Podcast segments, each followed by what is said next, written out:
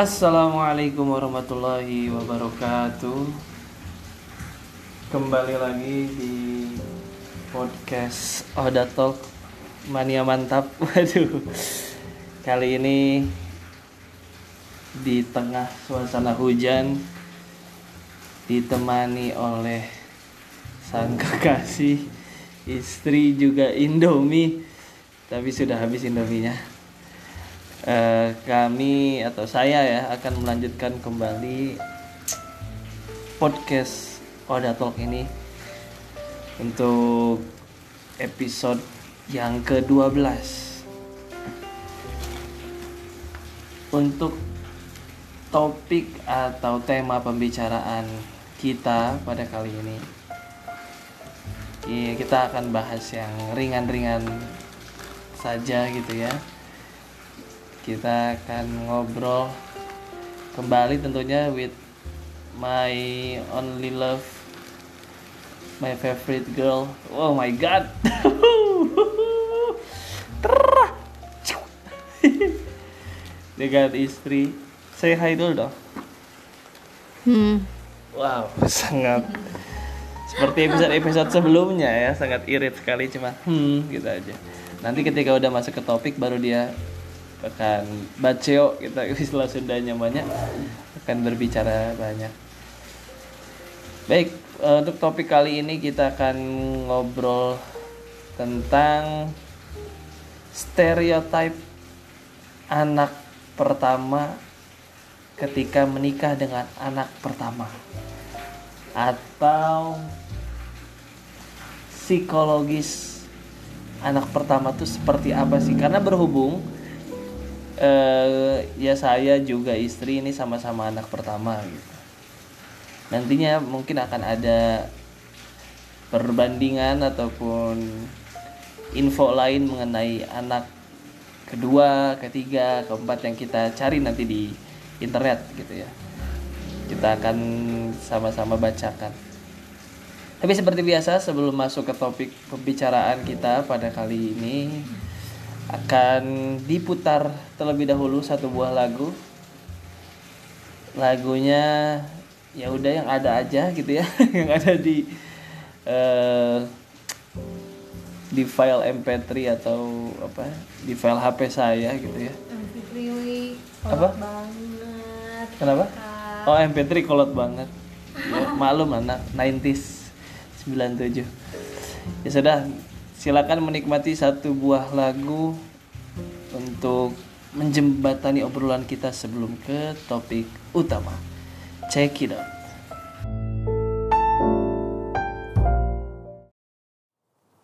Cukupkanlah ikatanmu Relakanlah yang tak seharusnya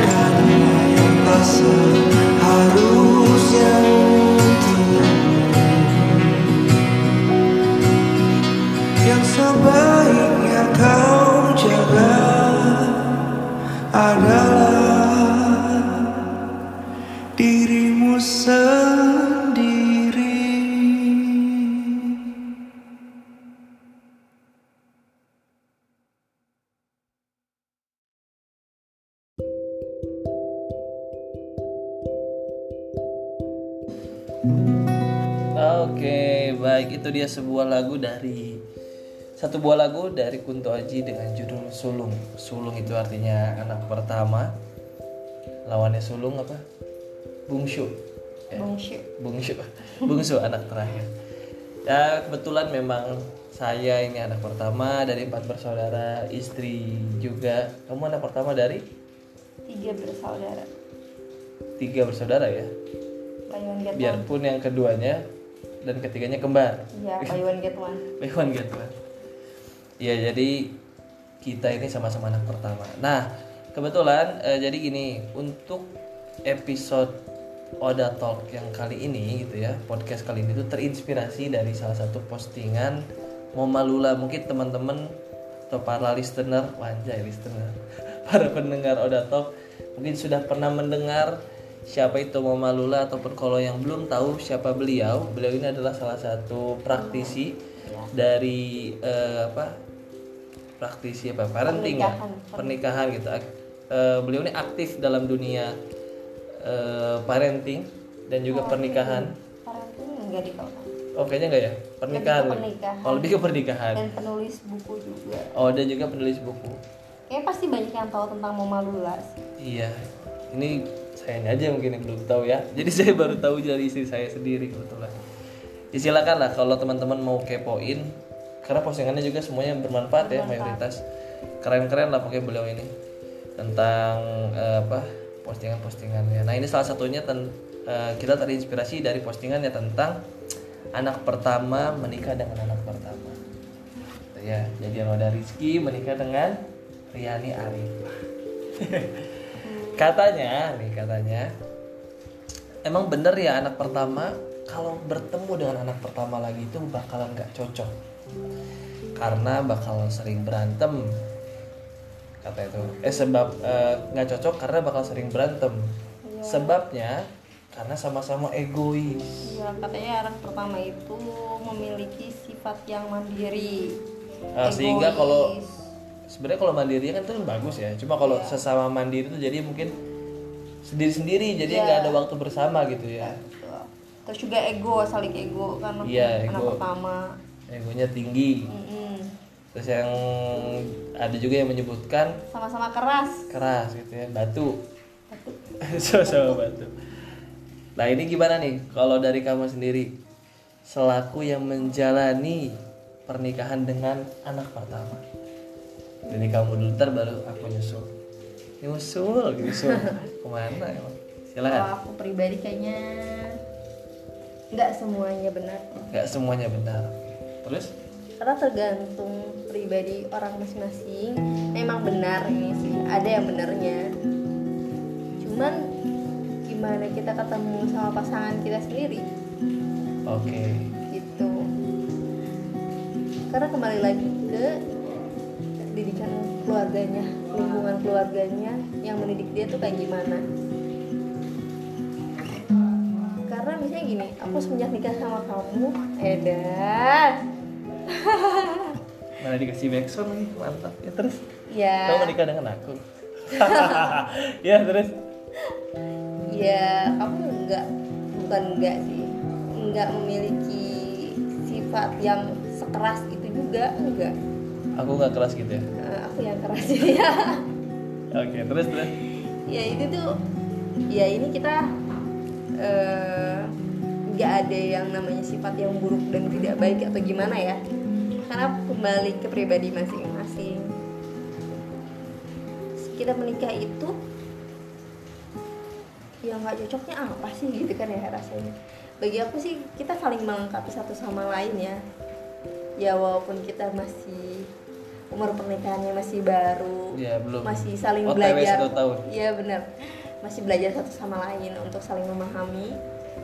Dan baru ya seiringnya waktu kita belajar saling mengenal saling memahami saling menerima satu sama lain ya kan? Kamu tahu aku kayak gimana dan aku juga tahu kamu kayak gimana. Itu dari kamu tuh? Oke kalau dari aku tentang stereotip yang beredar atau pertanyaan-pertanyaan gitu ya tadi ya. Apakah bakal sering berantem? Gitu karena tadi sama-sama punya sifat egois sifat-sifat eh, apa tadi keras mandiri dan lain sebagainya. Mungkin itu mungkin tiga sifat aja tuh yang di highlight. Mungkin ada sifat-sifat yang lain ya Iya. yang bisa menyebabkan berantem atau gak akur satu sama lain. Cuma kalau buat aku sendiri atau buat ya buat saya pribadi tentunya dari yang namanya sebuah hubungan atau pernikahan lebih tepatnya pasti itu akan ada yang namanya ketidakcocokan. Pasti. Pasti kita akan menemukan ketidakcocokan. Yang tidak jarang dari sebuah ketidakcocokan ini menimbulkan pertengkaran. Wajar. Wajar sekali itu ya pernikahan atau hubungan lah mungkin teman-teman juga yang posisinya sama dengan kita gitu ya. Kalian anak pertama dapat pasangan anak pertama lagi gitu.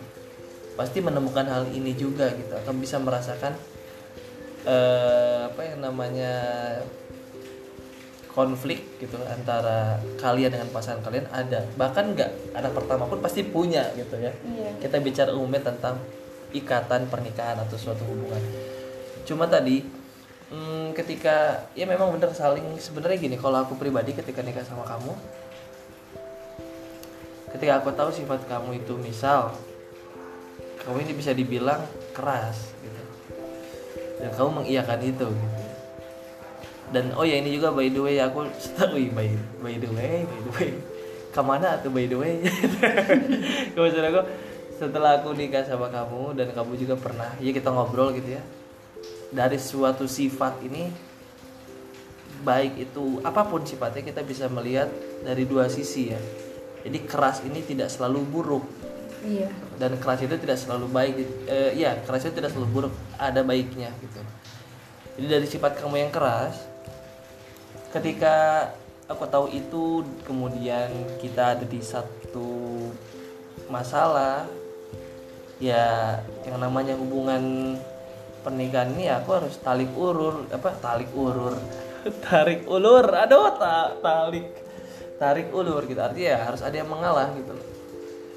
Kayak begitu. Dan juga hmm, gimana ya jadi dari sifat kemandirian itu pun memang diakui gitu. Aku tahu bener kamu tuh mandiri parah gitu cuma kadang ya karena kita sekarang situasinya sudah berbeda harus saling mengingatkan bahwa kamu itu udah bukan single lagi. Atau aku pun mengingatkan dari aku aku tuh bukan seorang pemuda lagi gitu atau apa sih namanya seorang yang masih lajang gitu tapi udah punya pasangan istri. Sehingga apa dari sifat yang mandiri tadi kita istilahnya oh not kita bisa notice oh ya ada orang di samping kita gitu. Itu gambaran singkatnya lah gambaran sederhananya maksudnya. Ya ada orang geningan ya di samping kita tuh gitu loh.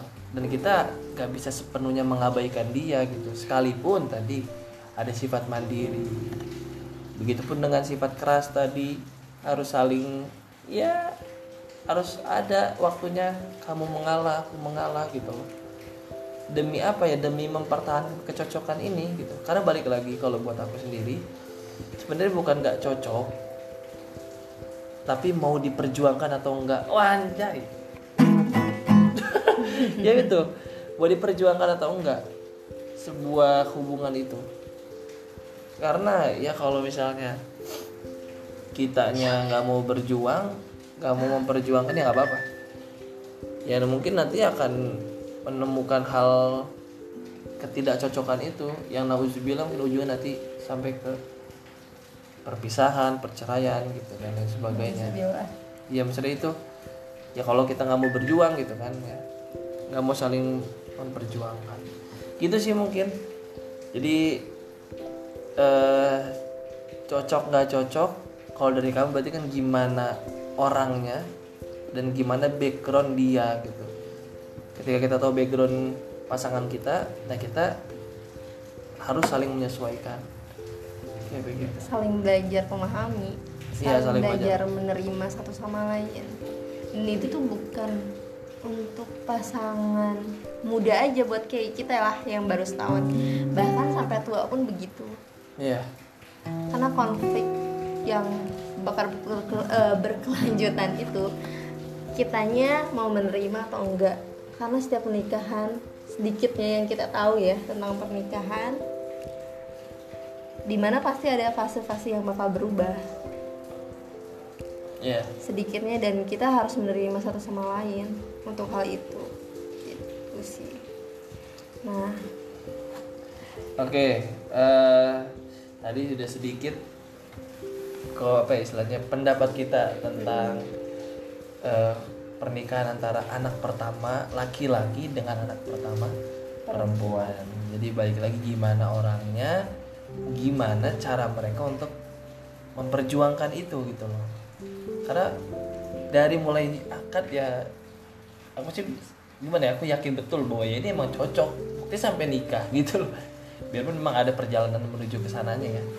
Cuma ya balik lagi itu bagaimana mereka gitu. Ya dan ini versi kita sih ya. Iya, betul. Sekarang kita eh, karena tadi sudah mendengar beberapa sifat ya di antara anak pertama. Nih sekarang aku ingin membacakan 10 eh 9 fakta anak pertama laki-laki dan 9 fakta anak pertama perempuan. Ini sumbernya dari eh, gramedia.com www.gramedia.com mungkin dari 9 fakta ini ntar kamu bisa cross check ada nggak sih di aku nih yang laki-laki. betul. kemudian 9 fakta yang anak pertama perempuan ada nggak sih di kamu menurut aku? Gitu ya. Yang pertama 9 fakta anak pertama laki-laki. Satu mempunyai sifat tanggung jawab lebih besar. Dua mandiri. Tiga mudah stres. Empat pekerja keras. Lima berjiwa pemimpin. Enam egois. Tujuh keras kepala kepala batu. Waduh. Sembilan mudah untuk belajar hal-hal baru. Eh delapan tadi ya. Mudah untuk belajar hal-hal baru. Sembilan selalu ingin tampil sempurna. Oh kalau di ada sepuluh. Sepuluhnya ini mampu memahami bahasa kedua dengan mudah. Oke, dari 9 atau 10 fakta yang aku bacain tadi, mana yang paling aku banget menurut kamu? Hmm, kamu banget ya Ya dari yang aku banget sampai ya aku harus ya berarti yang aku banget dan yang nggak aku banget gitu lah bisa jadi sebelum gitu. yang kamu banget aja deh Ya udah, yang aku banget kayaknya semuanya. Siu siu. Apa ya? Yang mana? kamu punya sifat tanggung jawab yang gede banget bagi aku kamu bertanggung jawab buat ngebangun rumah tangga ini. Wih, deep banget nih. Ya, kalau kata aku sih tanggung jawab Tanggung jawab banget sih. Kamu selalu bilang aku bertanggung jawab Atas hidup kamu. Ya, gitulah ya. Nggak jelas. Terus? Next, kamu mudah stres? Nggak terlalu sih. Kamu berjiwa pemimpin banget. Dia pemimpin. Oke. Kamu bisa memimpin. Kamu juga bisa ngatur. Kamu pun mendengarkan apa yang aku bilang dan cari pertengahannya. Kamu bisa membangun suatu apa sih? Kamu bisa gitu jadi pemimpin yang ada tuh kayaknya rasanya bisa sih bagi aku tuh. Amin. Tapi bukan berarti aku mengizinkan kamu untuk menjadi punya istri dua ya. Aduh. bukan adil karena itu ya kamu punya jiwa pemimpin gitu Oke, oke. Terus? Hmm, mudah untuk belajar hal-hal baru kamu tuh gampang banget buat beradaptasi di mana pun kamu berada gitu rasanya kamu tuh nggak susah buat apa ya belajar hal baru. Kamu juga nggak gengsian nggak maluan untuk mengambil sesuatu hal itu gitu. Ngapain harus malu gitu. Aku suka kamu tuh bisa dari situ. Di mana kamu tuh nggak nggak malu untuk memulai hal baru nggak canggung untuk memulai hal baru. Kamu juga kayak nikmatin semua hal atau di mana tempat kamu berada kamu menghargai di, eh, di setiap apa pun itu. Jadi buat aku sih enak kalau jadi kamu tuh. Karena kamu belajar hal baru dan kamu pun menerima akan hal itu gitu. Terus kayaknya ini enggak sih. Enggak sih selalu ingin tampil sempurna kamu tuh enggak. Kamu tuh apa adanya sih. Enggak sih mampu memahami bahasa kedua dengan mudah ya kamu tuh punya apa ya apa sih ini katanya anak pertama yang lahir dari keluarga biling- bilingual akan lebih mudah untuk menguasai atau memahami bahasa keduanya Bilingual itu berarti keluarganya bisa bahasa Indo, Inggris, atau Arab gitu ya. gitu ya oh Iya kan bilingual dua bahasa. Terus mm-mm. mengapa bisa lebih mudah untuk memahami bahasa kedua? Karena biasanya tingkat kecerdasan anak pertama lebih tinggi daripada adiknya bukan hanya itu anak pertama juga lebih dulu mendengar bahasa kedua dari percakapan orang tua. Karena hal ini juga maka anak pertama jadi lebih mudah untuk memahami bahasa kedua atau mungkin saja bisa menggunakan bahasa kedua sebelum waktunya. aku kira bahasa kedua dengan mudah tuh Selain apa bahasa perasaan. iya gitu kamu tuh bisa ngomong dengan baik gitu ke istri kamu tuh Oh, jadi thank kamu you. ya kalau dalam misalnya gini loh kita juga ya biar tahu ya bagi yang belum tahu kita itu beda setahun juga ya aku yang Hmm. lebih eh, hmm, lebih dewasa, lebih tua emang usia. Iya usianya lebih tua dibandingkan suaminya gitu kan satu tahun. Jadinya kan ada yang bilang kalau misalkan nikah sama yang seumuran atau yang di bawah kita tuh kayaknya kurang dewasa misalnya katanya begitu. Tapi bagi aku tuh nggak sepenuhnya kayak gitu juga nggak sih?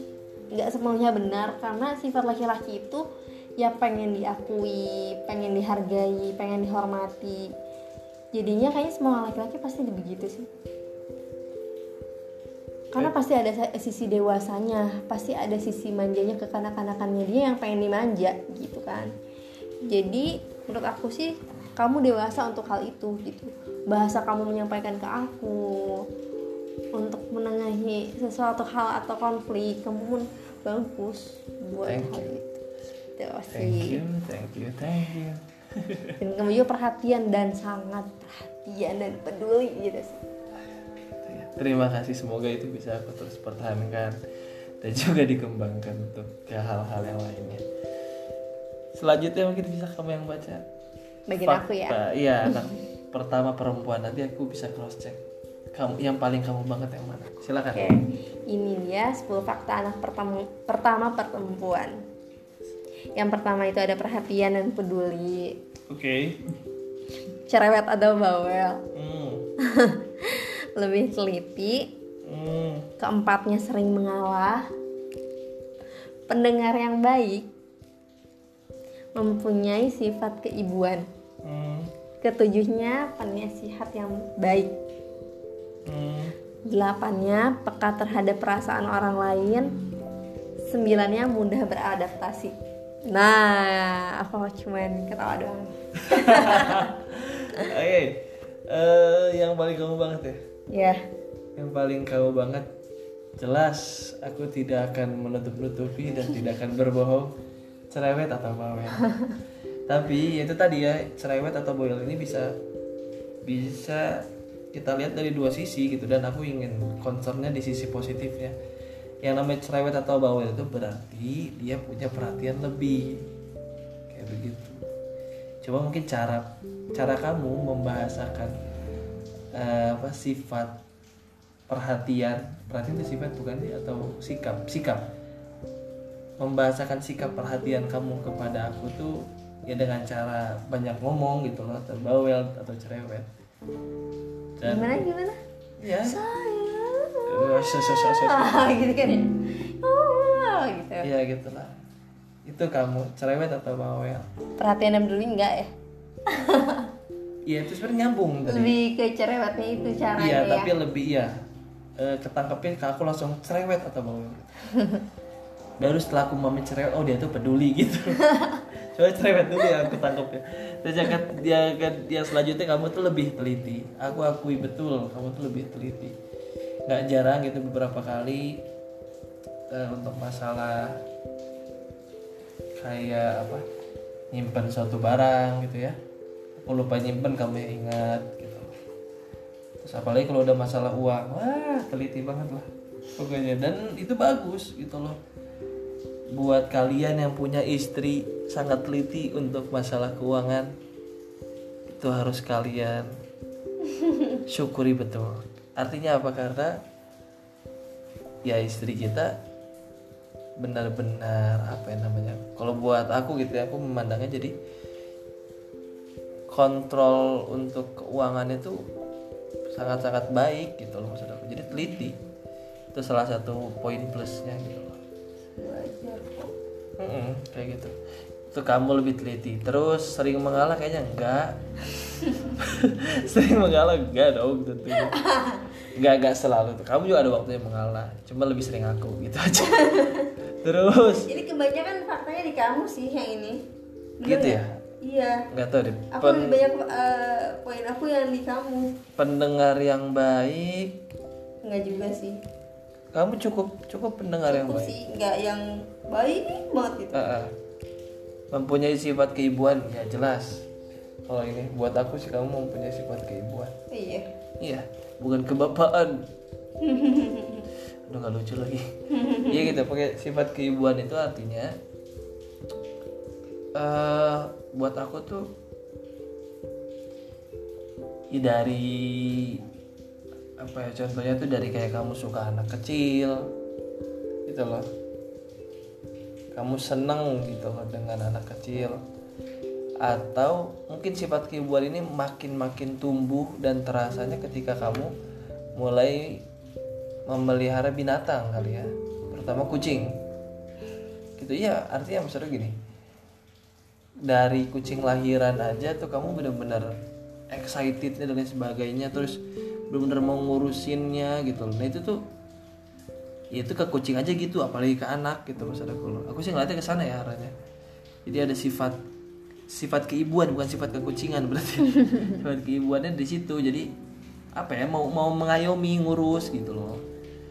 Kayak begitu. Biarpun itu timbulnya karena rasa suka dulu ya kalau untuk kucing cuma kalau anak pasti ya udah lebih daripada suka tuh Ya, iya dong. ya udah itu mah yang yang diharapkan gitu ya yang mohon doanya juga nih guys Iya betul. yang mendengar semoga kami segera diberi keturunan di waktu yang tepat Ini lagi hujan lagi ya. Mohon doanya. penasihat yang baik peka terhadap perasaan orang lain mudah beradaptasi penasihat yang baik Oh iya. ya Asih. Jadi kamu penasihat yang baik kalau buat aku yang, yang kamu banget tuh penasihat baik cerewet atau bawel terus tadi apa ya Eh, teliti Iya. sama sifat keibuan. Jadi ada empat empat fakta dari www.gramedia.com tentang eh, apa sifat atau fakta anak pertama perempuan yang kamu banget tuh yang tadi yang empat yang aku sebutin. Sisanya ya berarti bukan gimana ya bahasanya bukan kamu banget aja gitu atau ya biasa-biasa aja Iya, kadarnya lebih sedikit. ya betul Ya karena kita pasti memiliki poin-poin itu tapi kadarnya nggak terlalu menonjol, Eh, nggak kita banyak. punya ini gitu. karakter atau sifat dominan pasti Mm-mm.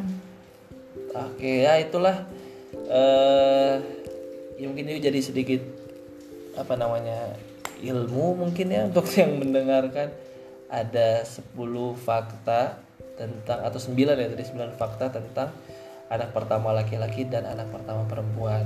Mungkin bisa dilihat juga tadi di www.gramedia.com dan terakhir jadi tentang poin bagaimana nih ketika anak pertama menikah dengan anak pertama? Kalau buat aku nih state apa closing statement gitu dari aku ya. Apakah nggak cocok? Nggak juga. Kalau buat aku cocok anak pertama dan anak pertama itu cocok untuk sifat-sifat yang tadi balik lagi gimana caranya si pasangan itu mengelola hubungan itu gitu. Dan ya kebetulan ya, maksudnya kita alhamdulillah ini nikmat Islam, nikmat iman gitu ya. Kita sesama eh, orang muslim gitu.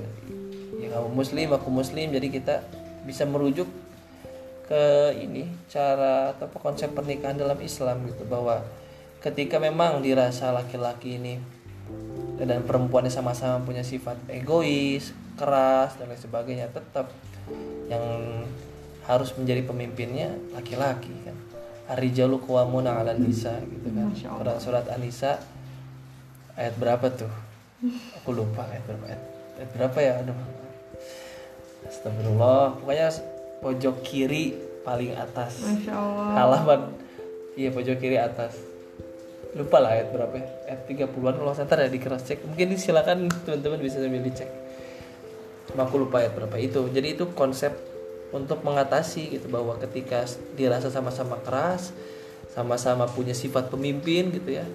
Ya harus tahu porsinya gitu bahwa laki-laki harus lebih sadar oh ini gue yang harus lebih maju gitu loh, lebih terdepan gitu langkahnya. Dan perempuan juga harus mensupport hal itu biar apa ya biar biar cocok biar langgeng gitu loh. Selainnya tadi bisa harus saling ngalah ngerti dan yang lain-lainnya. Jadi buat kalian semua sesama anak pertama semangat terus kita patahkan eh, stereotip ini gitu. Dan Silakan. juga ini sih kamu closing lebih statement ke apa ya pembahasan ini tuh kita saling belajar satu sama lain untuk tahu sifat pasangan kita masing-masing. betul ya aku aku Ya kan? jadi tahu ya. Jadi kita tahu ternyata dia tuh begini, aku Iya, tuh begini. aku di pandangan dia seperti ini Iya. kamu di pandangan aku seperti ini Dan kita tuh nggak ada ini ya. Ini nggak ada briefing dulu gimana gimana yang ini nanti kamu jawabin nggak juga. Ini juga berjalan gitu aja. Gitu. Mm, jadi kalau ada yang salah-salah ya udah gitu. Mungkin setelah ini baru kita bahas gitu. Kenapa kamu ngomong kayak gitu tadi? nggak juga, oh enggak gitu. nggak juga sih. Ya batas batas. ya karena ini ya kita memahami satu sama lain ternyata dia itu punya sifat kayak gini loh karena kita penting banget sih buat kenal diri kita sendiri kenal diri kita sendiri dulu aja biar kita bisa memahami orang lain juga gitu. Oke. Jadi semangat untuk kita. Perjalanan ini baru sedikit dan buat kalian juga yang sudah eh, apa namanya menikah dan posisinya sama dengan kami gitu ya sesama pasangan anak pertama survive semangat semuanya mungkin kita tutup podcast ini dengan sebuah lagu lagi. Sedikit potongannya. Ini lagu kesukaan kamu nih. Sini dong nyanyi. Lihat ada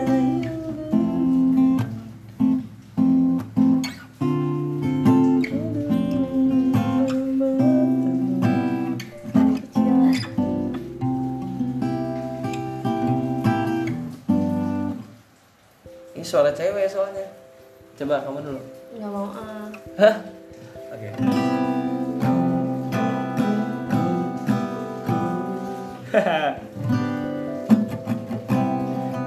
Lihat ada yang aduh fals. Eh.